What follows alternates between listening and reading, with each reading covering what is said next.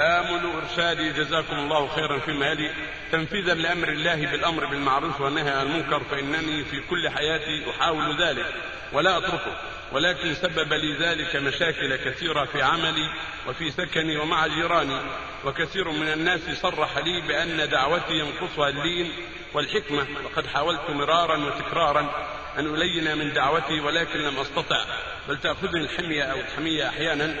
لأن أنفعل بطريقة غير حليمة فماذا أفعل؟ وماذا تنصحونني؟ الأذى لا بد منه. يقول الله جل وعلا يا عن لقمان يا بني أقم الصلاة وأمر بالمعروف ونهى عن المنكر واصبر على ما أصابك إن ذلك من عزم الأمور. فلا بد من الصبر.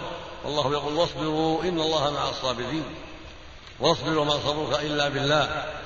فمن قام لله يأمر وينهى ويدعو إلى الله لا بد أن يناله بعض الشيء كما نال الرسل وهم أفضل الناس عليهم الصلاة والسلام. وهكذا أتباعهم ينالهم نصيبهم من الأذى فلا بد من الصبر.